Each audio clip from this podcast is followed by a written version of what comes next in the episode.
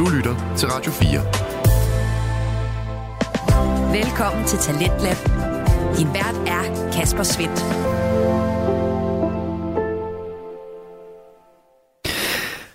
Og med en øh, dejlig varm kop te ved min side, så er jeg klar til at springe ind i aftenens program, som byder på to danske fritidspodcast. Vi skal starte med at høre fra den naturvidenskabelige En ting ad gangen, hvor Vilas Jacobsen og Tobias Bjerg endnu en gang præsenterer os for en verden af naturfænomener. Derefter så skal vi ind i sportens verden sammen med Choplock podcast, hvor Andreas Nydam og Philip Lind kigger på NFL, ligaen for amerikansk fodbold, og de konferencefinaler, som øh, den netop har været igennem, og der kom tilfældighederne i den grad i spil. Han kaster bolden dybt ned banen til Brandon Ayuk. Den rammer den defensive back i hovedet, går mellem hans hænder og rammer ham i hovedet, og hopper lige tilbage i hænderne på Ayuk. Altså det er sådan, der var lige ved at slukke i vrede. du lytter til Radio 4. Det er lidt senere, at du skal høre omkring, hvordan øh, tilfældighederne kom i spil i øh, konferencefinalerne i NFL, ligaen for amerikansk fodbold, når Choplock podcast kaster sig ind i dem. Men vi starter med at skal høre omkring naturfænomenerne i En ting ad gangen, en naturvidenskabelig podcast med Vilas Jacobsen og Tobias Bjerg. Og de går altså til videnskaben både i deres brede formater, hvor du får smil på læben og underholdning, og så får du også de øh, detaljerede, smallere afsnit, hvor du får en øh, bedre forståelse af, hvordan vores verden egentlig er bygget op. Og det får du altså både fordi, at øh, Villas og Tobias er fantastiske dygtige formidlere, som formår at øh, tage komplekse naturfænomener lidt ned i øjenhøjde, og så kan de samtidig også bringe en øh, underholdende tone i spil, så du måske endda griner, imens du lærer noget nyt. I aften der får du afsnittet, som har fået titlen Makroskopiske kvanteeksperimenter, når Schrödingers kat ikke er nok. Og det er en lidt lang titel, som jeg har prøvet at korte ned, og jeg tror, jeg vil prøve med noget i retning af Schrödingers katteudfordring tættere på løsning. Så kan du selv vurdere, om øh, det er en bedre titel her, når du får aftenens episode fra En ting ad gangen. Schrödingers kat er et paradoks, mange fysikere har kæmpet med igennem tiden. Hvordan kan partikler være flere steder på samme tid, samt springe ind og ud af eksistens? Men det, som er bygget af partikler, for eksempel en kat, kan ikke. Hvor går grænsen? Hvor mange partikler kan man sætte sammen, før de ikke opfører sig som kvantesystemer længere? En gruppe af forskere fra USA har designet et eksperiment præcis omkring dette. Det er det, vi skal høre om. Velkommen til En Ting ad gang.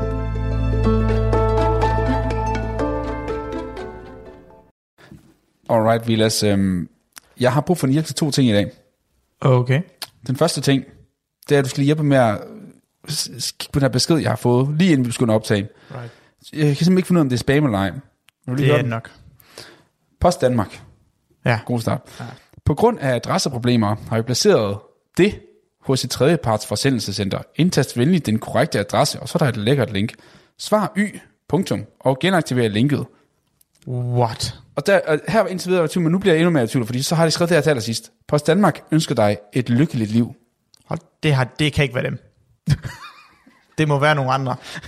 altså det kommer også fra plus 855 38 362 866 Jamen det Ja, det er nummer PostNord faktisk nogle gange bruger. Ja, det der, jeg ved ikke. De der plus 800. 855. De der plus 800 numre, det er altid Post Danmark. jeg synes, Ej, det er da den mest jeg synes, det er fedt. Altså, jeg vil ønske, at hvis PostNord Ja, de ønskede folk et lykkeligt liv. Ja, ja. Det var, på, på ja. den måde, så det, ved de der folk, de vil gerne stjæle dine informationer og dine penge og din, og din identitet, men i det mindste, så ønsker de at lykkeligt liv. Og ja. det er mere, end man kan sige på snor. Ja, okay, så du siger, det er spam simpelthen. Om så er det sådan, okay, det var det første, jeg har brug for hjælp til dig. Alright. Det andet, jeg har brug for hjælp til dig til i dag, det er, jeg har lyst til at lave et nyt kvantemekanik eksperiment. Right. Hjælp mig. Det kan jeg godt. uh, jamen det er fordi, at jeg, jeg, det er fordi, jeg manglede, jeg manglede, det er fordi, det der skete, det er, jeg manglede inspiration til i dagens afsnit. Yes. Og jeg vidste, at jeg lavede et kort nyt afsnit. Og så søgte jeg, øh, gik jeg ind på Google og skrev... Er du, er du nu sikker på kortnyt? Ja, øh, nej, men måske. Jeg søgte på Google, og så skrev jeg bare Physics News Enter. Og så fandt jeg den her artikel. Og den var faktisk meget fed. Øh, det er en artikel, der er blevet udgivet i Physical Reviews. Letter B, det er en udmærket journal, kan jeg afsløre. Letter B? Jamen, der er mange letters. Det, Okay. øh, B er udmærket. B det er deroppe af. Det er ikke A, men det er ret godt. Nej. C det er sådan so so, og D, der kan du få alt udgivet. men B er udmærket. Det er for dummies, A for average. ja, på en eller anden måde måske. Men, men det, de har lavet, det er, det, det er egentlig bare nogen, der gerne vil have, øh, hvad skal man sige, kredit for en idé. De har faktisk ikke gjort det, men de Okay. har bare sagt, hey, det her kunne man gøre, hvis det var. Men idéen er til gengæld ret fed, så jeg synes egentlig, det, det er fair nok. Det er egentlig noget, der altid har irriteret mig lidt i kvantemekanik. Og det, vi, vi er hele vejen tilbage til Schrödingers kat. Okay. Og du har jo en eller anden øh, indebrændt øh, træng til at quizze mig alle mulige ting hele Ja. tiden. Og nu kan du så lige få en, øh, en spand i egen medicin i hovedet. Hvad giver Schrödingers kat øh, ligesom dilemma eller paradoks ud på? Ja, så. Schrödingers kat var faktisk, hvis jeg husker rigtigt, det er mange, der mange tager det som et eksempel på at forklare, hvordan kvantemekanik fungerer, men i virkeligheden, hvis jeg husker rigtigt, så var det faktisk Schrödinger, der lavede det som en joke, for at sige, hvor absurd kvantemekanik var. Er det, Ja. er det ikke rigtigt? Så Det- oprindeligt var det ment som en, Øh, det, det var, det, ja, det, man kan godt kalde det en joke, kan man sige. ja, sådan mere sådan, prøv at se, hvor absurd det er, det kan ikke passe. Og, og ideen er vel, at hvis man har en lukket kasse, hvor det er sådan, man har en eller anden form for radioaktivt materiale, ja. Hvor der, det kan enten henfalde, eller ellers kan det ikke henfalde. Og når det henfalder, så vil det så dræbe den her kat, mm. der er derinde. Ja, så aktiverer det måske en Eller gas. aktiverer en gas, whatever, og så dør katten. Trigger et eller andet, ja. Men fordi at kvantemekanikken siger, at for at noget sker, så skal det observeres. Eller først, altså, det hele er vel en anden form for en sandsynlighed. En, der er en sandsynlighed for, at det her øh, materiale, det er øh, henfaldet, eller det ikke er henfaldet. Ja. Men vi kan først, når først vi åbner den, så bliver det besluttet, eller så ved vi, hvad der er sket. Eller man kan sige, ikke, ikke, Ikke- ikke, ved, men, men så bliver det først derefter, der, det er sket. Så det er faktisk, mens den er lukket, så kan begge ting være sket, eller ske. Jeg ved ikke, hvordan man kan sige det. Øh, nej, det, du, du er meget hen på det rigtige, Ja. men så lige uden at sige det rigtige. Jamen, jeg kan ikke huske, Men det, er for... nej, men det er fordi, det er tricky, fordi det er nemlig det der med, at før du åbner kassen, så siger vi, at jamen, et radioaktivt henfald, det er en kvantemekanisk proces. Ja. Det betyder bare, at de love, vi har inden for kvantemekanikken, beskriver opførelsen af processen. Mm. Og, og det der ofte er med kvantemekanik, det er, at øhm, når der sker noget, for eksempel et henfald, så siger den altid, jamen, det, den, øh, dit system, som er din radioaktive kilde, den er i en superposition, kalder man det, Ja. af to tilstanden. Mm. Den ene tilstand er, hvor det her radioaktive stof er henfaldet, og den anden tilstand er, hvor det ikke er henfaldet. Mm. Og før at vi har observeret på systemet, altså før vi har åbnet kassen, så er den i en blanding af de to tilstande. Ah, okay. Den er ikke den ene eller den anden, den er dem begge. Ja, det er sådan der. Så det er i begge tilstande. Ja, Men når du kigger på den, så vil du kun kunne se én tilstand. ja. Så, ja, præcis. Så, så, så kollapser, man plejer at sige, at øh, kvantesystemet kollapser ah. til en af de her tilstande. Yes. Og der kan være to, eller der kan være fem, eller der kan være otte, det kommer lidt an på systemet. I det her tilfælde er der jo kun to muligheder, død eller ikke død. Yes. Og så er det absurde jo, at jamen, en kat kan jo ikke både være død og ikke død. Mm. Man kan, men hvis det, det, hele den her tanke kommer fra, at man kigger på partikler, og siger, at elektronen den er både her, og den er også derovre. Og det kan man, er det måske nemmere at sluge den pille, når du ja, kan tale om Du kan elektroner. ikke se det. Det er ikke noget, der er... Men det bliver markant sværere at acceptere, hvis øh, hvad skal man sige, konsekvensen af det er, at en kat både er død og levende samtidig. Ja. ja, for den er begge dele. Præcis, altså ind ifølge kvantemekanisk. Ja. Og, øh, og, og, og det, det var jo ligesom det, Schrödinger sagde, det her det er lidt fjollet. Og det, der så ligger i det, og det man så ligesom det officielle svar på den her, det her paradoks, det er jo, at ja, øh, men det er jo ikke så meget om et menneske kigger på systemet, for det er jo ikke som sådan noget med mennesker at gøre. Nej, nej. Men det har noget at gøre med, om du laver en måling. Og en måling, det er, at du interagerer med systemet, og der er noget, der forlader systemet med noget information Ja. omkring systemet. Altså interaktion kan også bare være et andet molekyle, der inter, eller et andet Ja. atom, der interagerer med elektromagnetisk Yes. yes. kraft. Eller Alt eller muligt. Ja. Nogle gange, så når vi måler ting, så skyder vi jo ofte lys ind på det, og så bliver lyset reflekteret. Og så alt efter, hvad, hvordan lyset bliver ændret, mm. efter det har interageret med et eller andet objekt, så ud fra ændringen af lyset, så kan vi sige noget om, hvad det er, vi kigger på. Så for eksempel, hvis du har et eller andet kvantesystem og skyder noget lys ind på det, så kan det ændre Så når, når lyset bouncer tilbage, og du kan se, hov, nu lyset ændrede sig, så ved du noget om det kvantesystem, du ikke gjorde før. Ja. Og så har du kollapset øh, kvantesystemet, eller det man mange gange vil kalde bølgefunktionen. Yes. Øh, så det er lidt det, der ligesom er, er, er halen her. Så at øh, du kigger ikke i kassen, men det gør du så lidt indirekte, fordi der er en masse luftmolekyler, der bouncer rundt på katten. Ja. Og i princippet, hvis du måler luften, der kommer ud af kassen, så vil du ud fra informationerne øh, kunne sige noget om... Men det er jo sådan nogle ting. Ja, det var fordi, der, der er de her luftmolekyler, der bouncer rundt på katten. Sådan, det er der. jeg kan godt forstå, hvorfor han synes, det var absurd. Det kan jeg godt se. Ja. Øh, og, og så, det, så det vil sige, at for at det her virker, så skal du have nogle øh, relativt ofte, skal du i hvert fald have nogle relativt simple systemer, som et enkelt atom eller et enkelt partikel. Øh, og det skal gerne være kølet ned til øh, meget, meget lave temperaturer, så den ikke bevæger sig for meget. Øh, vi taler jo ofte om, at temperatur i fysik, det er faktisk bevægelse af partikler. Mm. Så bevæger partikler hurtigt, så er der en høj temperatur. Øh, Så det vil sige, hvis du har, øh, hvis du har en, øh, en kasse med en masse partikler i, og de bouncer rundt i hinanden, så interagerer de jo også med hinanden. Og det får igen kvantesystemet til at kollapse. Ja. Så det skal være, du skal suget mere eller mindre vakuum inde i kassen. Fald For at der- undgå alle for mulige ja, sammenstød med luften. Mm. Så skal du have en partikel, som du skal have kølt ned, så den ligger nærmest helt stille. Og så derefter kan du begynde at observere nogle kvantesystemer. Og, og Det noget lyder kvantemeka- dyrt Jamen, og det er det jo også. Det er jo helt vildt dyrt og besværligt. Det er det, er det 100%. Øhm, men så spørgsmålet er, hvor langt kan man så i princippet gå op? Altså nu sagde jeg et atom. Hvad med to atomer? Hvad med et molekyle? Måske. Hvad med et protein? Ja, altså hvor lang tid, hvor meget, hvor stor i størrelse kan man gå, mens ja. det stadigvæk kan være et kvantesystem? ja. Yes. Øhm, Er det det eksperimentet handler om? ja, Okay. Præcis. Og det, de simpelthen har foreslået, det er, at de har en, øh, en scheme til, hvordan du kan gøre det her med nanopartikler. Og jeg ved ikke, om du har set, eller hørt, eller arbejdet med nanopartikler i dit arbejde. Jamen, jeg tror, det er lidt interessant, fordi nanopartikler er jo sådan lidt et, øh, eller generelt ord nano, er jo et ekstremt overbrugt ord, i min ja. optik. Fordi jeg arbejder, jo, jeg har også arbejdet med, vi jeg arbejder med noget, der hedder lipid nanopartikler, hmm. som basically er det, som coronavirus var, ikke coronavirus, coronavaccinen var lukket ind i. Så det er mRNA-molekyler, der var indlagret i sådan en, en helt sværisk, øhm, af, hvad hedder det, kugle af lipider, som er på nanostørrelse. Aha. Så det vil sige, at det er jo bare, nano er jo bare, hvad er det? Det er et 0 med 0 med 0, 9 nuller efter, og så et et-tal øh, meter. Yes. Eller sådan noget, ikke? Ja. Så det er bare meget, meget småt, egentlig. Ja, 10 minus 9. Ja. Øhm, så det er jo bare fordi, når det er i den her størrelse, de her lipider her, som Ja, man så bruger. ret i, det er meget vagt defineret, hvad det kan være nanopartikel muligt i er. hvert fald. Det er bare meget småt, Præcis. basically. Yes. Men jeg ved ikke, hvad, hvad der er i den her ombæring. Øh, det specificerer de faktisk ikke. Okay. Så de Så det er, også, siger, det er også bare et tankeeksperiment. Det her. Ja, Okay. Øh, så de siger, at det skal bare være en givet nanopartikel. Der er mange kandidater. Øh, det er ikke så vigtigt, hvad det er for en. Øhm, men men det, nu, før vi ligesom hopper ind, det, jeg, jeg tænker, det, det er jo ligesom det, vi skal tale om. Ja. Så vi skal tale om lidt om, okay, jeg vil godt lige nævne, bare lige hurtigt, hvordan kommer man langt ned i temperatur. Mm. For du skal ned sådan noget mikrokelvin.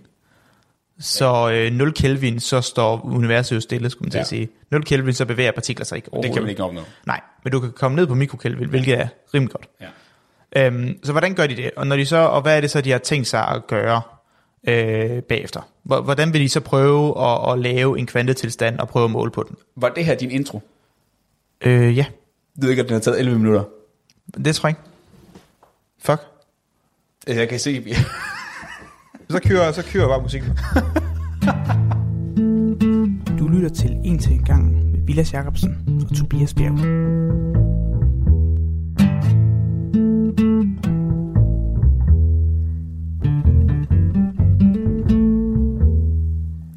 Velkommen til Langt Nyt med Vilas Fredsen Jacobsen og Tobias Fangbjerg. Men det er også et, hvorfor, hvorfor har vi lavet et kort nyt koncept? Det er et dårligt koncept. Det var dig, der sagde, at du havde lavet et kort nyt til dag. Jeg har ikke, jeg har ikke, jeg har ikke tvunget dig til at gøre det på noget tidspunkt. Nej. Anyways, vi skal snakke om øh, nanopartikler, øh, kvantemekanik og mikrokelvin. Nu har jeg slet ikke lyst. Jo, vi skal stoppe. jo, hvis, ej, du bliver der. Jo, øh, og så hvordan, øh, men, men så vil jeg sige, hvis du har en partikel, du gerne vil have kølet ned, så kan man jo starte med at sige, okay, hvis, øh, hvis hastighed har noget med noget at gøre, så kan du måske tage få partikler, så du ikke har mange partikler, der støder hinanden. Så du kan have en lav densitetsgas. Ja. Og så kan du køle den på normal vis. Og øh, så kan du have sådan nogle kølesystemer. Du har et køleskab. Og et køleskab er jo egentlig, kort sagt egentlig, at du overfører noget bevægelseenergi til et eller andet materiale, og så bærer du materialet væk. Mm. Og så tager du et nyt materiale ind, som du kan overføre energi til, og så bærer det væk. Og så hele tiden, så de her partikler, de bliver ved med at støde ind i ting, som de overfører energi til, og så kommer der noget nyt, de kan støde ind i, overføre energi til. Og så på den ja. måde bliver det køligere, køligere, køligere. Okay. Men når du så når et- tilpas langt ned i de her systemer, og det, du virkelig skal ned på de helt, helt, helt lave temperaturer, så bruger du laser. Okay. Og så laver du det, der hedder laserkøling. Og det er lidt specielt. Øh, og det baserer sig egentlig på øh, det, der hedder Doppler-effekten. Mm, den har vi jo snakket om. Vi har snakket om den lidt. Øh, det kan være, du kan rapportere den. Ja, så i hvert fald, jeg kender jo Doppler-effekten oprindeligt fra sådan en klassisk fysik i Ja. gymnasiet, men jeg ved, at man både bruger det inden for lys, men også for lyd. Men for, for lyd har jeg i hvert fald husket, det er det, hvor man, hvor man siger, at hvis du ser en ambulance køre forbi dig, ja. klassiker, så lyder den anderledes, når den kører imod dig, end når den kører væk fra dig, fordi den ligesom, man kan høre, altså, det er så fordi, at lydbølgerne, det, den måde vi hører lyd, det er jo antal- antallet af bølger per sekund. Ja. Det af- afgiver, hvor højt og hvor lavt den lyder. Ikke? Bølger Sådan- per sekund, per Ja. sekund er også det, vi kalder frekvensen Ja, af frekvens, lyd. ja, det er præcis. Og det er klart, når den går imod os, så vil den så blive, så vil du så høre den dobbelt så hurtigt, for du både hører det den, den med lydens hastighed, plus de 30 km i timen, eller 100 km i timen, ambulancen kører mod dig, så derfor vil det lydes altså, endnu lysere. Jeg vil sige, man, man, man kan tænke på det som, at hvis der er nogle bølger, der rammer ind i dig hvert sekund, og det er det, der afgør, om du hører lyden som lys eller dyb, Ja, øh, og du så går imod lyden, jamen så er der jo flere bølger per sekund, der Ja, rammer dig, for du ligesom går ind i bølgerne. ja og det er omvendt, hvis du løber væk fra dem, så er der færre, der rammer dig. Ja, og så, og så er det en dybere tone. ja, så følelsen er, og det er vel det samme med lys også. ja det er fuldkommen sammen. For det er sådan, det, det, det hedder redshifting, Ja. ja. når det kommer til stjerner og sådan noget. Ja. Ikke? Fordi hvis den så er på vej væk fra dig, så vil universet være strukket. Er det sådan noget? Jamen, det, det, øh, hvis du lige øh, sletter et par af de ord, så ja, noget med universet, Nej, præcis. Nej, nu- det men, men, væk men, men det er jo, igen, det er jo det der med, at vi sagde, at det er jo bølger per sekund. Og det er der også i lys. Lys er også bølger, der bevæger sig per sekund. Jeg har en frekvens. Ja. Og hvis vi nu lige har sagt, at hvis du går imod, hvis lyset bevæger mod dig, bølgen bevæger imod dig, og du går ind i den, right? går imod den, så er det, og du opnår flere bølger per sekund, så betyder det, at frekvensen stiger. Der er flere bølger per sekund, frekvensen stiger, Yes. og det gør, at lyset bliver mere blåligt, fordi blåt lys har højere frekvens Ah, ja, på, det, ja, ja. På, på, på spektret over farver. ja. Så er det blå del og det ultraviolette, den del af farvespektret, det er høj frekvenslys. Yes. Og hvis du nu bevæger dig væk fra lyset, så du løber fra det, så bliver, er der færre bølger per sekund, så nu er bølgerne, hvad hedder det, så nu er det frekvensen lavere. Ja, ja, ja. Og det vil sige, at det går mere mod den røde del af farvespektret. Mm. Ja, det er vel de også der, røde, de orange, de gule farver. ja, og det er også derfor, at man har på den store del af regnbuen, ikke? Mm. det er det røde lys, der ja. Ja. er deroppe, ikke? Ja, og, den, ja, ja. og den lille del i bunden, det er det, det, er det blå Yes. lys, Ja. fordi den ligesom har kortere, kan man sige. Øh, det tror jeg måske godt, det er jeg ikke sikker på, at man kan sige. Nå, okay. Men øh, det lød i hvert fald meget godt. Jeg tror ikke helt, det rigtigt. tak, tak. Men i hvert fald, øh, Det er også ligegyldigt. Det er, det er ikke det, det skal handle om. Radio 4. Ikke så forudsigeligt. Du er skruet ind på programmet Talents Lab her på Radio 4, hvor jeg, Kasper Svendt, i aften kan præsentere dig for to afsnit fra Danske Fritidspodcast. Her først er det fra En ting ad gangen, som består af Vilas Jacobsen og Tobias Bjerg, og i deres afsnit omkring de her makroskopiske kvanteeksperimenter vender vi tilbage til her, hvor vi skal have skruet helt ned for temperaturen. Hvordan bruger man så den her Doppler-effekt ja, det er det med det, det handler om. til at køle ting ned? Så, når du har et øh, atom, mm. for eksempel, eller en nanopartikel eller sådan noget, så ofte så har du nogle elektroner inde i sig. Øh, det var et spe- specifikt tilfælde, hvis du har en atom. Hvis du bare forestiller, at du har en atomkerne, og den har nogle elektroner omkring sig, Ja. så er det jo sådan, at jamen, de her elektroner, de har nogle specifikke energier, som de kan indeholde. Yes. Øhm, og det betyder også, at hvis en elektron skal tage noget mere energi til sig, hvis den skal absorbere noget energi, så er det kun en helt specifikt energimængde, den kan tage til sig. Mm. Den kan ikke tage mindre, og den kan ikke tage mere. Er det de der kvanteeffekter? Ja, det, det, det er nemlig det er ikke- kvanteeffekterne. Det er ikke det, vi kalder kontinuert. Det er det pæne ord. Jeg kan huske, jeg hørte det engang i en forelæsning. Man kan forestille dig lidt som øh, en, et, et, en trappe. Det er ikke en, en glidebane, en rutsjebane, det er mere en trappe. At den kan have Præcis. et, et trappertrin 1 eller 2 eller 3 energiniveau, ja. men det kan ikke have to og en halv trappe. Præcis, ja. Så hvis en elektron skal op på højere energi, så den absorberer noget energi, så den kommer op ad trappen, så kan den godt gå et eller to trin op, men den kan ikke gå et, et halvt trin. Yes. Så det, der så passer med, det er, at du har taget, du har fintunet de her lasere, sådan så at når partiklerne bevæger sig imod laseren, så bliver laserlyset jo lidt mere blåt, frekvensen bliver lidt højere, bølgerne per sekund bliver højere, right? Og så har vi fintunet det sådan, at i det øjeblik, den bevæger sig mod lyset, og frekvensen bliver lidt højere, så rammer du lige akkurat den frekvens, som der øh, er for overgangen i en af elektronerne mm. på det atom. Og så vil den absorbere lyset. Okay. Og fordi at den øh, partiklen bevæger sig imod lyset, og lyset bevæger sig imod partiklen, det er, jo- det er en head-on collision, Ja, de går mod hinanden. og de så, den så bliver absorberet, så taber den hastighed. Det er fuldkommen, hvis du kommer til at løbe, hvis du løber mod mig, Ja. og jeg kaster bolde på dig, Og så når, okay, så når du siger, at, så nu bare lige forstå det, så for, grunden til, at det giver god mening, at hvis jeg, jeg, går, jeg går ind i en, en bølge, så, så, så slår det mig ned, men grunden til, at de så skal rette den helt rigtige niveau, det er så fordi, at ellers vil de måske misse hinanden. Altså, de vil ikke ramme bare hinanden. Miste, de vil bare flyve igennem Ja, hinanden. for- fordi de ikke interagerer med hinanden, fordi det er så, det er så småt, at, Ja. at hvis de skal ramme præcis det der trappertrin, Ja. så, så, så skal det bare alt være spille fuldstændig rigtigt. Der kan kun ske en interaktion mellem atomet og lyset, hvis den her frekvens er helt rigtig, til den kan blive absorberet. Ellers passerer den bare igennem. Og, og skal den bevæge sig altså væk? Altså, når det er fordi, den bevæger sig imod den? Ja, Okay. så det, det, er jo, det, det er jo et meget, meget fint følsomt system, hvor det passer med, at jeg ved, at den frekvens, der skal til, for at der er en elektron i præcis det atom, som du er, den er 430, right? Så skyder jeg lys med 400, og lad os sige 5, nu siger jeg nogle er, Ja. random tal, 425 mod dig. Mm. Fordi så ved jeg godt, at det ikke er det helt rigtige, men hvis du bevæger dig mod mig, så bliver frekvensen forskudt lidt op, Yes. så den lige kommer op og rammer 430, Yes. og så kan du absorbere noget af lyset, og fordi det er kun, når du bevæger dig imod mig, mm. så skubber vi til hinanden, ligesom folk, der løber mod hinanden, Og så kan og man så, så- taber du hastighed. kan man så justere efterfølgende, for nu, så, så kan man regne ud, nu har den tabt lige præcis den her hastighed, så kan man så regne ud, det næste gang man skal skyde på den, skal man så skyde den med en lidt anden hastighed, for man så kan slå den længere ned. Øh, ja, i princippet. Okay. Men, men din første udfordring er egentlig bare, at du har en gas med partikler, der bevæger sig i alle retninger. Ja, det er lidt problematisk, for det, det, i den her system her er det jo ret nemt, hvis du bare har en og en Ja. imod hinanden, men så, det har man jo Nej, ikke men, men så man skyder bare med rigtig, rigtig mange lasere Okay, for alle mulige retninger. Og så viser det sig, at det går faktisk overraskende godt. Ja, det er jo nok også noget med en sandsynlighed, ikke? Ja, præcis. Så du har en meget, du har nogle gaspartikler, der flyver rundt i alle hastigheder, og så prøver du bare at skyde en laser for mere eller mindre alle hastigheder. Og så hver gang partiklen bevæger sig i en retning, så er der næsten altid en laser, den løber imod. Okay. Og igen, hver gang den løber væk fra en laser, så bliver frekvensen jo lavere. Ja. Så det går fra 425 til lad os sige 420, og så bliver det endnu mere usandsynligt, der sker en interaktion. Ah, ja. Okay. Ja. Og på den måde, så kan du ligesom skære ned i hastigheden og komme rigtig langt ned. Så det fortsætter med at gøre igen og igen og Yes, igen, yes, man yes. så Og så kan det være, at du siger, på, jeg ved ikke, om man så på et tidspunkt skifter frekvensen for at komme endnu længere ned. Ja. Det kommer jo lidt an på, hvad det er for nogle overgange, du leder efter. Ja, ja, det er klart. Og det kommer lidt an på atomet og sådan nogle ting. Okay. Øh, men, men det er det, der hedder... er, er, det, er, det hydro, er det hydrogengas, man bruger, eller hvad til det her? det er rubidium. rubilium. Rub, jeg tror, det er rubidium, hvis jeg husker rigtigt. Og hvad er det? Øh, det ved jeg ikke. Men jeg ved... Øh, 37. Grundstof nummer 37. Ja, det er den. Jeg ved det Okay, jeg har faktisk troet, det var, øh, det havde været noget meget let og simpelt, men det er måske, øh, det Øh, nej, er bare for noget, hvad der er Ja. nemmest. Okay.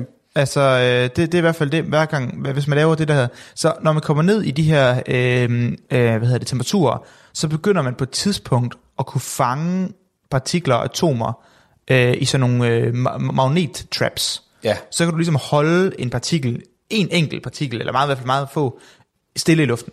Mm. Øhm, og det er det, de, det, er det, der hedder Bose-Einstein-kondensat. Og det er noget af det, de Det laver har over på fysik. snakket om i forbindelse med Ja. superledere, tror jeg. Ja, jeg ved, der er en af mine øh, kollegaer, jeg har undervist med det her semester, der hedder Søren Balling. Han har han har arbejdet med det. Han var PhD inden for det, den gruppe der. Så han talte lidt om det. Men det er jo så ikke specifikt rubidium, vi har med at gøre her. Nej. Vi har en nanopartikel. Så det vil sige, at kølingsmekanismen er nok en anelse anderledes, mm. end den, jeg men, beskrev men, her. men konceptet, Ja, for at forstå, hvordan man køler noget, og, og så ved det her laser, mm. dobbler effekt ting, der kan man altså få det ned på, altså mikrokelvin, så det vil sige, altså, Ja.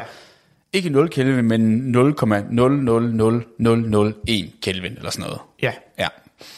Det er ikke særlig meget. det er utrolig lavt. Ja. Øh, Og, og for at lige huske rigtigt, det er altså tæt på det absolutte nulpunkt Og jeg tror, 0 Kelvin er omkring minus 273,15 something Ja, præcis. øh, Grader. grader Celsius. Ja, minus, ja. Og hvis man har sådan noget som flydende nitrogen, så tror jeg, det er sådan minus 180 eller sådan noget. Hvis man Ja. tænker på noget, der er rigtig koldt, og tør is er minus 80 grader. Så det, det, det fortæller noget om, hvor, hvor, hvor koldt det er. Ja, minus når- 196. 196, ja, og Norge havde minus 40 her forleden. Var ikke sådan, det var? Wow, hold da kæft. Det synes jeg, jeg hørte med alt det sne her. Er godt. Nå, ja. Hvor med alting er. Øh, så du tager de nanopartikler, køler dem ned, øh, og, og hvad gør man så? Jo, så kan du så fange dem i de her sådan nogle, det der hedder øh, magneto-optical traps. Magneto. Ja, ikke, det er ikke, ikke ham for X-Man, men det, det relaterer. Det, det er et magnetfelt også. øh, du sådan, eller, sådan et elektrofelt, det er lige meget. Du, du holder det sådan fast, Ja. og så har du et, øhm, et, et andet potentiale, som den ligger i. Og det kan være en underlig tanke at sige, at noget kan ligge i et potentiale. Mm. Og med det skal du tænke på, at øh, jamen, partikler interagerer med elektriske felter. Right? Og elektriske felter er bølger. Ja. Okay? Så lad os sige, at jeg nu har en meget stor bølge. Meget stort elektrisk felt. Og øh, du kan forestille dig en bølge foran dig, og den går op, og den går ned, ikke? Hvis øh, den her bølge nu ikke bevæger sig, men så stille i luften, så er det et stationært elektrisk felt. Ja. Øh, så nu har du en, en, en, en stillestående bølge i luften. Hmm. Hvis jeg nu placerer en partikel på en bølge top, så er det relativt sandsynligt, at den vil interagere med bølgen og faktisk blive skubbet til den ene side. Altså rent fysisk bliver partiklen skubbet nedad bølgen. Den rider på bølgen. Ja, okay. Det, det er en ting. Så man kan, Øh. man kan forestille sig, at det ligger på toppen, og så vil den falde ned i bunden. Eller? Ja, det er et fysisk billede, fordi du tænker, at den bevæger sig fysisk. Mm. Det, der så i virkeligheden sker, det er, at bølgen det er et øh, potenti- øh, potentiel energi. Så det handler mere om, at den bevæger sig imellem forskellige energitilstande. Ja, ja, okay. Men okay. det fysiske billede af noget på en bølge, der bevæger sig ned, er udmærket til det, vi laver her. Så tanken er simpelthen, at de laver en form for boomerang-effekt. De her folk, de har simpelthen siddet og regnet lidt, og de har fundet en måde at lave et elektrisk felt på, lave den her potentiale, den her, den her bølge, der står i luften. De har, de har lavet nogle smart måder at lave den på, sådan så at partiklen, den starter med at stå helt stille, i sådan den her fælde der, mm. og så ligger der en, en svag, ligesom bølge under den. Så frigiver den fra fælden, og så vil den begynde at ligesom faktisk spiralere rundt i det her potentialefelt. Hmm. Bevæger den sig rundt langs, den bevæger sig op og ned af bølgen, right? Så du har det Ja. ja. billede af en stationær bølge, der kan bevæge sig op fra top Vi er til nemlig bund. snart stadig om det her, den her nanopartikel. Ja, præcis, ja. Ja. Og så har de lavet den på en sådan en smart måde, at den vender tilbage igen til udgangspunktet.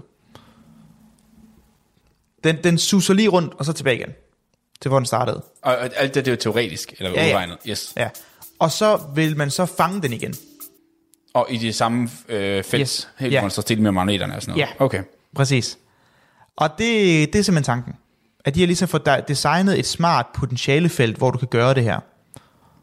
Så du kan gøre det her trick. Okay. Og hvorfor er det så genialt? Hvis du skal teste kvanteeffekter generelt set, så bliver du nødt til at repetere dit system rigtig mange gange, og du bliver nødt til at lave målinger hurtigt.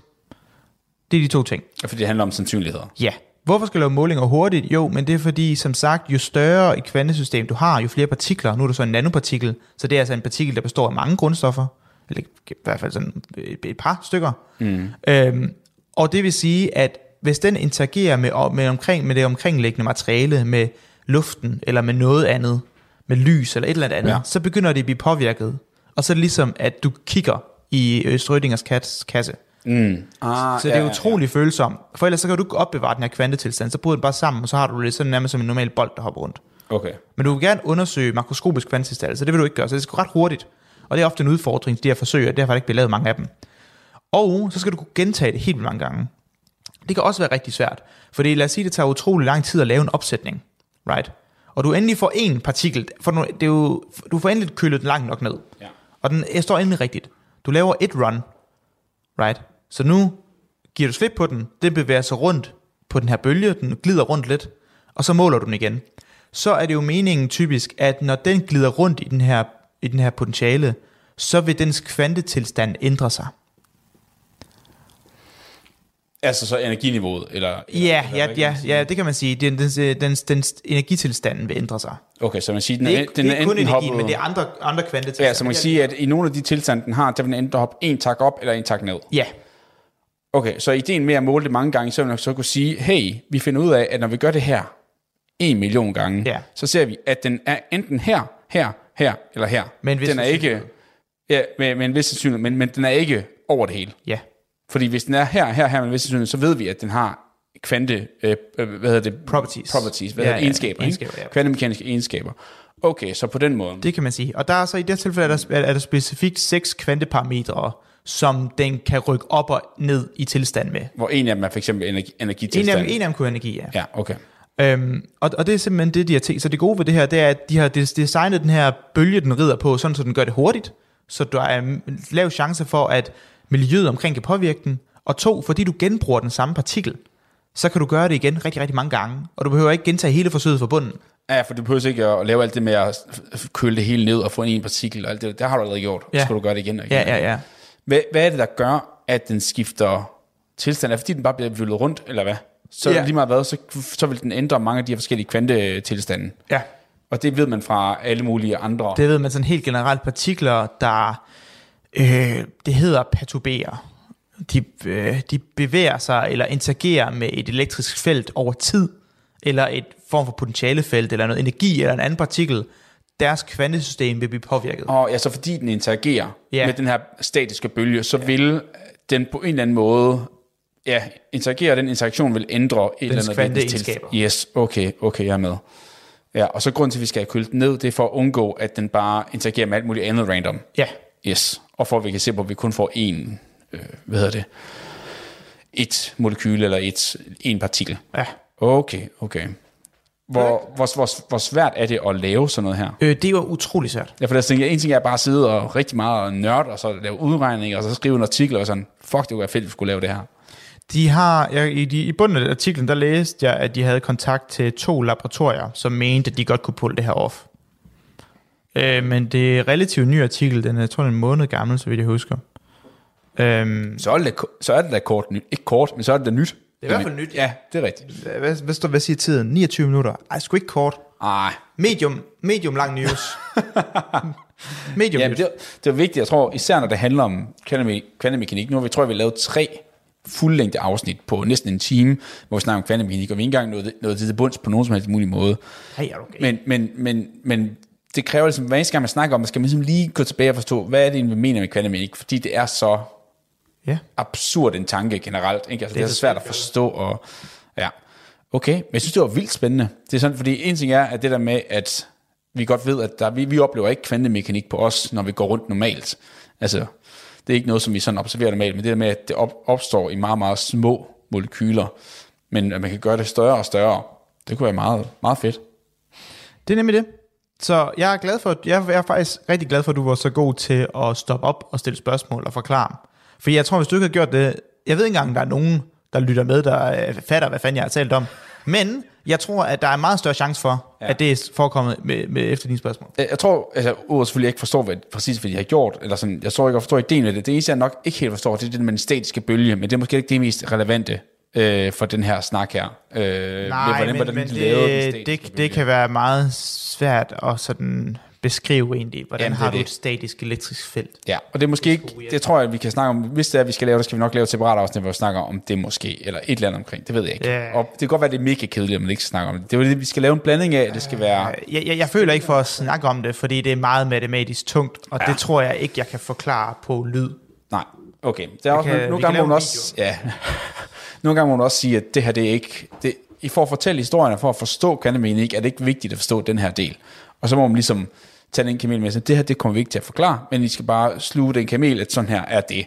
Og når man har det effekt, så kan vi lave den der Der er, ellers kan jeg anbefale en rigtig fin bog, der hedder Introduction to Quantum Mechanics med, øh, hvad hedder det, øh, Griffiths. Alright. Det er Griffiths. Den, Den er rigtig, rigtig god. Den er rigtig, rigtig god. Ja. Øh, så er der en, en, en anden ting. Det har ikke noget med det, vi gør. Det er bare noget andet. Det er, at jeg, jeg har fået min øh, første citation på, Okay. på, en, på en øh, artikel, jeg skrev. Der er nogen, der citerer dig. Ja, ja og jeg var, jeg var inde og så for den, hvor de har citeret mig. Og det er, en- de endda citeret mit navn. Øh, det, er ikke, det er ikke bare et tal. Ja, altså, jeg skal lige høre her. Uh, blah. While uh, dose enhancement was, was previously been reported extremely during proton therapy, uh, bla bla bla. Uh, de beskriver en effekt, skriver det, der står der, it now appears that the isotopic abundance of 19.8% rather than the uh, proton uh, 11 boron fusion reaction, uh, something, something, something, sort of parentes, with Jacobson et al. reporting that the number of high LET particles produced by neutron capture outnumbers those produced via fusion by a ratio of 4,000. Det er jo mig, der er Det er jo Jacobsen. Jacobsen. Det er, ja, det, er jo, det er jo mig, som er ham. alt. Ja, det er dig, Jacobsen. det er rigtigt. Det er altid fedt, når man lige får nævnt det, med, som de her demonstrerede. Ja, det er rigtigt. Ja, så det tænker jeg, for nu af, når jeg skriver artikler, så bliver jeg kun citere folk med navn.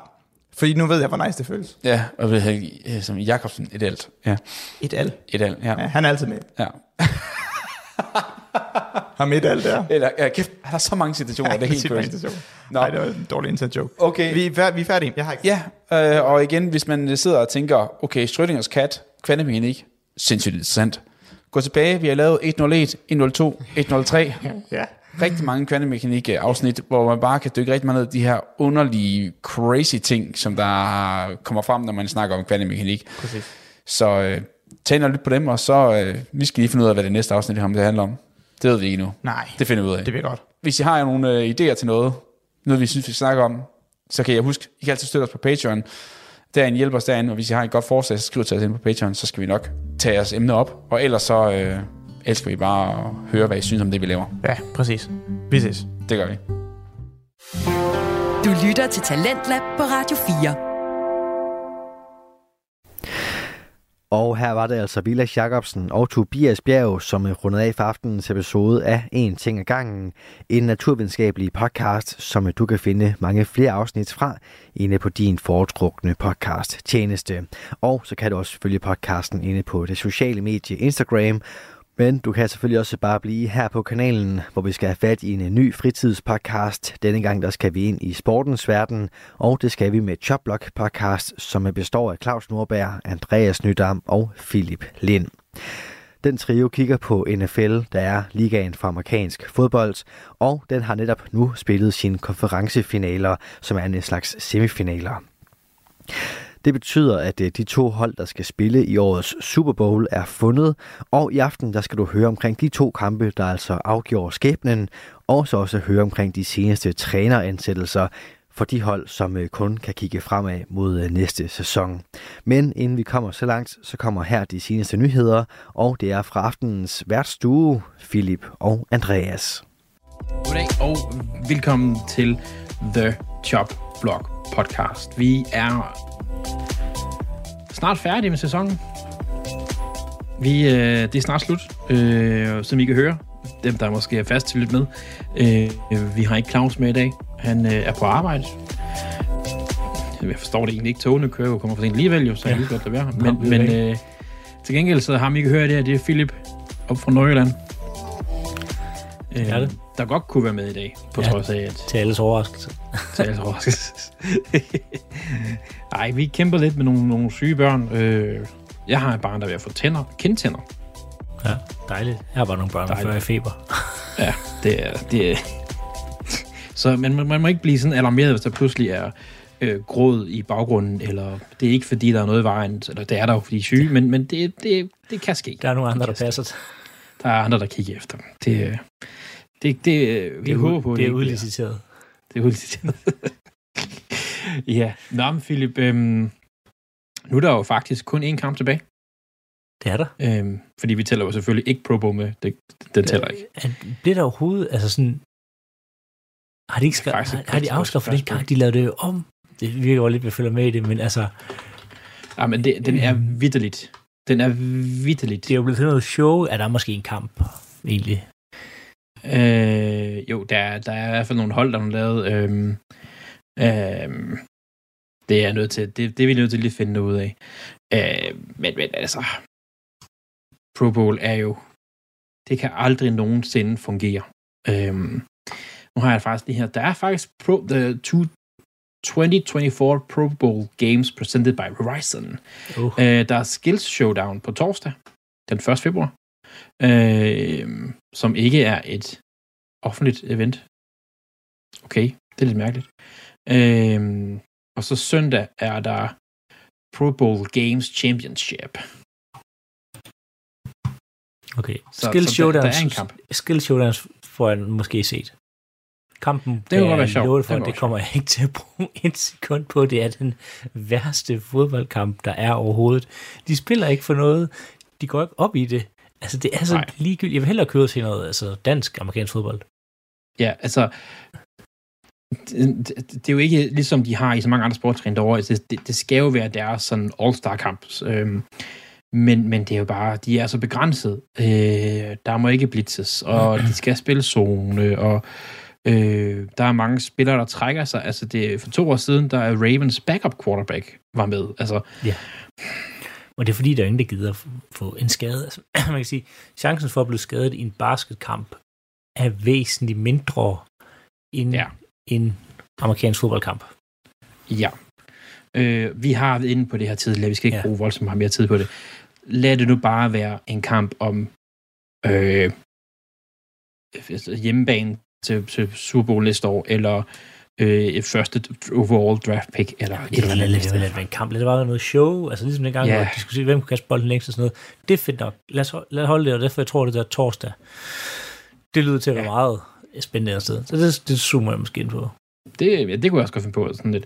Men, men kampen er også fordi, du ved, dem man egentlig gerne vil se, det er jo som regel dem, der også er med i Super Bowl, og de er automatisk ikke med, fordi de skal spille en kamp senere. Ja. Og som du siger, skader.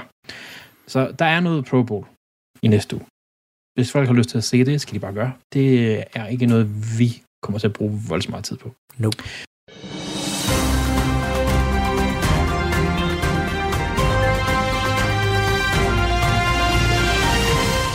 Udover det, noget, der sker i øjeblikket, det er jo trænerne. Vi skal lige have en update på trænerne, Philip. Øh, hvis jeg nu nævner de tre hovednavne, vi lige kan gå igennem nu her, Ja.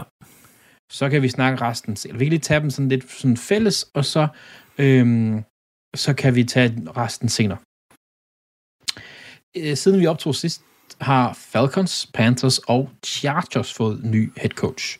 Øh, Falcons har hentet Raheem, Raheem Morris, øh, som var koordinator i, øh, defensive coordinator i Rams. Og jeg det er ikke Han- ham, Raheem Morris, folk tænker på, når de hører Raheem Morris. Hvem tænker de på? Running backen.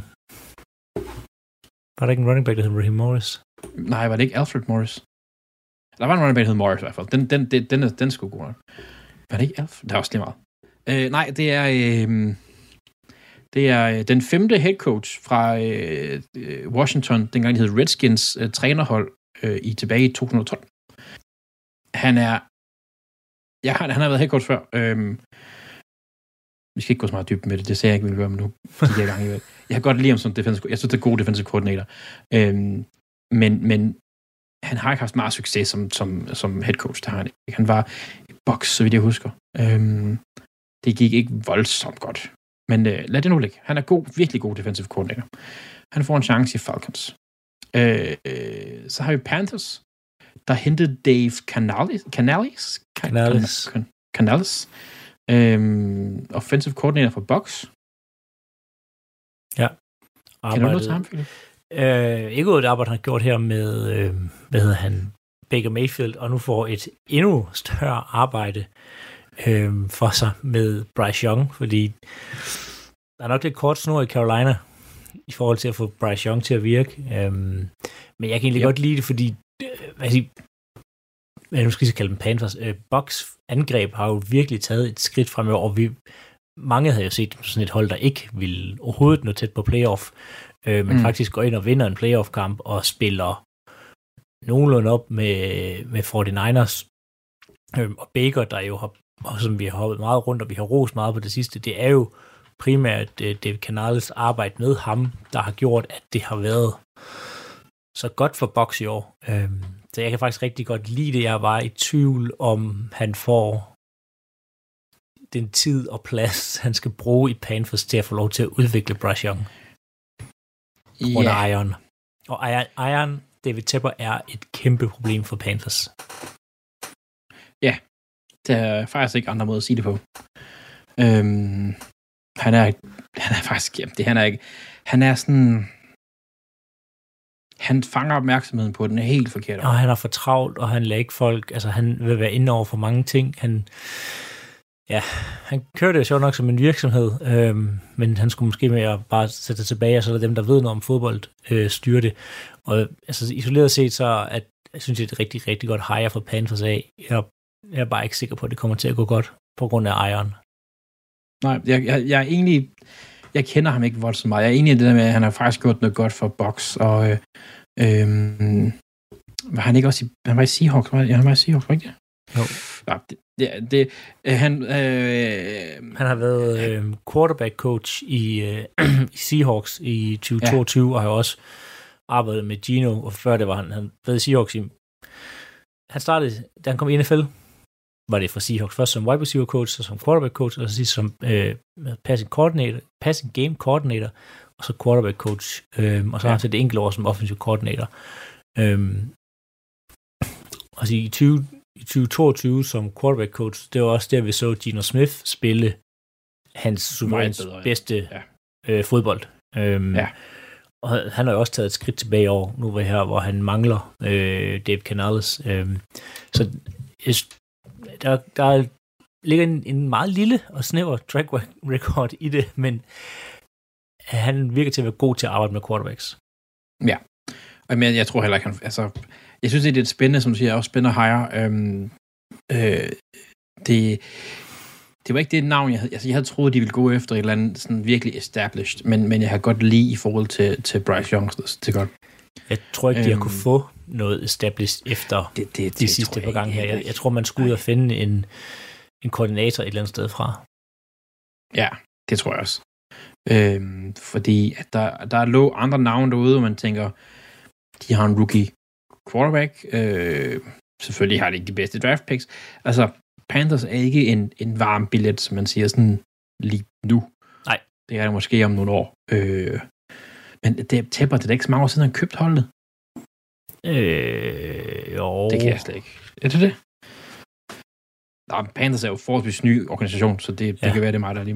Men, Men, men ja, Altså, de har jo haft Øh. både, hvad hedder han, øh, Matt Rule, de stadigvæk betaler, øh, ja, de næste fem år øh, til.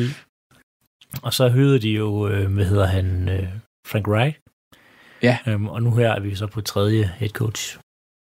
Ja, det er simpelthen, simpelthen. Man kan se igen, de gode hold, de har stabilitet på headcoachen. Altså, det er ikke sikkert, at de, de, det er faktisk ikke tit, at det er de bedste football minds, der er der, men, men de bare, de kan finde ud af at styre et hold, og derfor så er det der lang tid. Altså, sådan er det bare. En, som har været der før, og egentlig har haft succes som træner, øh, som headcoach, det er Jim Harbour, og han har fået et hold. Han øh, smutter jo fra øh, øh, Michigan på det helt rigtige tidspunkt. Øh, ja, er det må man sige.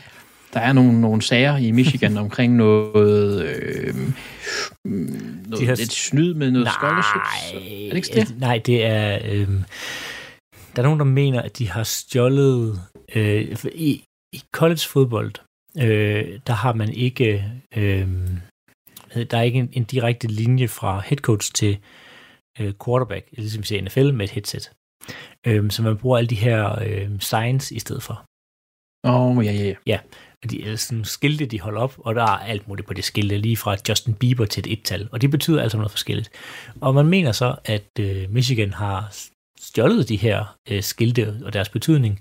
Øh, jeg synes jo bare, at de har brugt tid på at studere, hvad de andre folk gør. Øh, Ja, ja. Så, så der har været noget, noget med det, så at ja, han smutter på det rigtige tidspunkt.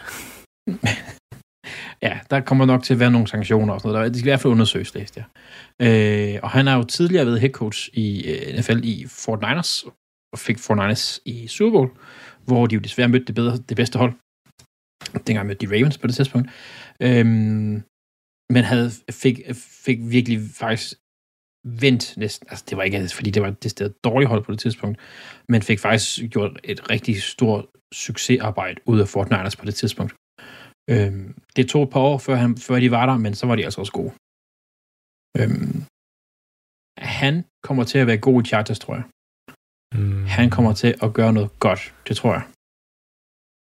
Øhm, det kommer an på, hvem han samler omkring sig. Han har allerede taget sin offensive coordinator med fra Michigan, tror jeg. Jeg læste. Øhm, så det, han, han er ved at samle de, de træner omkring sig, som jeg tror kan hjælpe ham allermest. Øhm, men, men Justin Herbert tror jeg er glad for det her. Det tror jeg også. Det, det er et godt valg for Herbert. Øhm, at der ligesom er kommet en offensiv træner ind i det her. Ja, altså så han var jo med til at vinde Alex Smiths karriere i Fort Niners på det tidspunkt, dengang hedder det, og var med til at gøre Colin Kaepernick til et navn. Mm. Altså sådan, han er god til at udvikle quarterbacks og, og finde på forsvar, altså ikke forsvar, undskyld, og skime et angreb hedder det. Ja. Det kan han altså godt finde ud af.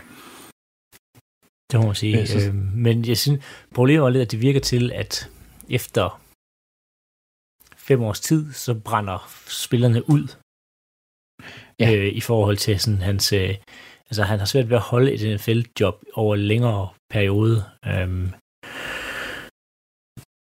og han var jo, han var jo blevet også interviewet i forhold til Denver for to år siden, hvor de ansatte Nathan- øh, Nathaniel Hackett i stedet for, og hvor han sådan, i hvert fald rygterne er, hvor han nærmest bare mødte op sådan, sådan lidt, jamen, jeg, er jeg er jo hopper.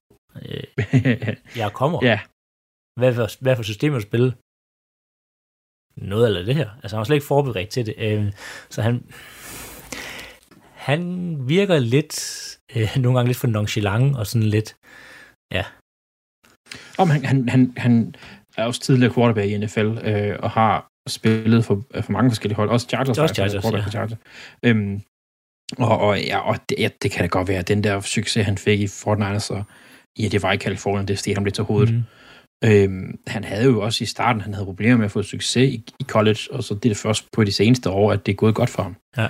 Øhm, han, er, han kan noget. Altså, og du har ret. Det, det, er, det er faktisk en god point, det der med, at han er god, men han er kun rigtig god i fem år. Altså sådan, det bliver spændende at se, hvor Chargers er om fem år. det gør det godt nok, øh, om de har vundet en playoff-kamp. Ej, det, de må snart få brudt det. Altså, øhm, jeg ved slet ikke, om vi får en Harbour-ball næste år, det må jeg lige se på. Nu er det jo i AFC, der kan Det være en de. chance for det. Det gør de. Ja, de skal møde hinanden. Jamen, det, Og jeg kan ikke lige huske, om der har Det hjemmebane, men ah, det, er nok, det er nok Chargers. Det er nok Chargers. Det er også lige bra. Det er lige bra. Øhm, vi skal lige nappe det, det sidste her. Eagles har hentet uh, Vic Fangio øh, ind, og, og Kellen Moore. De har simpelthen hentet to nye koordinater ind. ja, Vic Fangio er Øhm. blevet fyret i Denver. Nej, Denver. Miami Dolphins. Miami, Ja, Yes. han er også blevet fyret i Denver. Ja, det er han også, men det, det er for lang tid noget, siden. det er jo noget tid siden, ja. Ja. Øhm, jeg, jeg synes, Fangio er et spændende valg. Øhm, Uh, ja, Jeg ved- jeg ved vi kommer jeg til at snakke systemer øh, nok i næste uge, men jeg synes lidt Fangio-systemet i sig selv er begyndt øh, ikke rigtig at have sin tid længere i NFL. nej, vi, så, det vi, så, det. vi, vi så jo over de, altså, dem, der spillede øh, Packers, Chargers, Dolphins, øh, blandt andet øh, Eagles, at de, de havde det altid lidt svært på forsvaret, for at sige det pænt.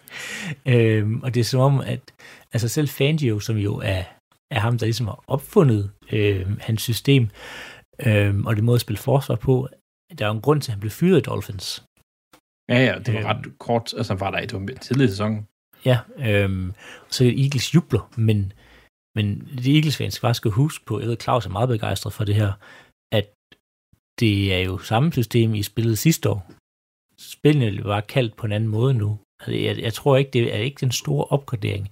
Det virker lidt til, at det her Fangio-system øhm, har det svært lige for tiden i NFL i hvert fald. Så skal det godt være, at han skal sætte sådan en offseason og gøre noget, altså udvikle det, men som det er blevet spillet øh, de sidste par sæsoner, øh, der har det det altså rigtig, rigtig svært i NFL. Det her med, at man bare står, så, man står med de her dybe safeties her og for, undgår at få dybe spil øh, mod sig. Mm. Øhm, og, og stiller lidt op i en lidt let boks en gang imellem.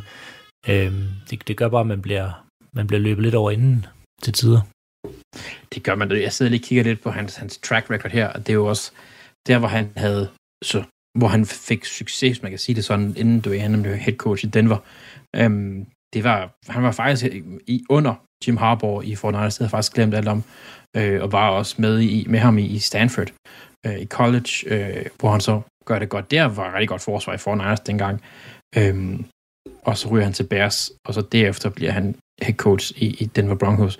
Og selvom det jo egentlig ikke, altså i 15, han bliver head coach i 15 hedder det, det er jo så mange år heller ikke siden, men det har bare ændret sig radikalt de sidste, som, og det er, når du siger, de sidste tre år. Du lytter til Talentlab på Radio 4. Og vi tager lige en kort pause fra Chopblock podcast og Andreas Nydam og Philip Linds neddyk ind i NFL, ligaen for amerikansk fodbold, for at gøre plads til nyhederne her på Radio 4. Efter dem, så kan du høre videre omkring NFL's nye træneransættelser og konferencefinalerne, men altså først dagens sidste omgang nyheder fra verdens dygtigste nyhedsoplæser. Du har lyttet til en podcast fra Radio 4. Find flere episoder i vores app, eller der, hvor du lytter til podcast.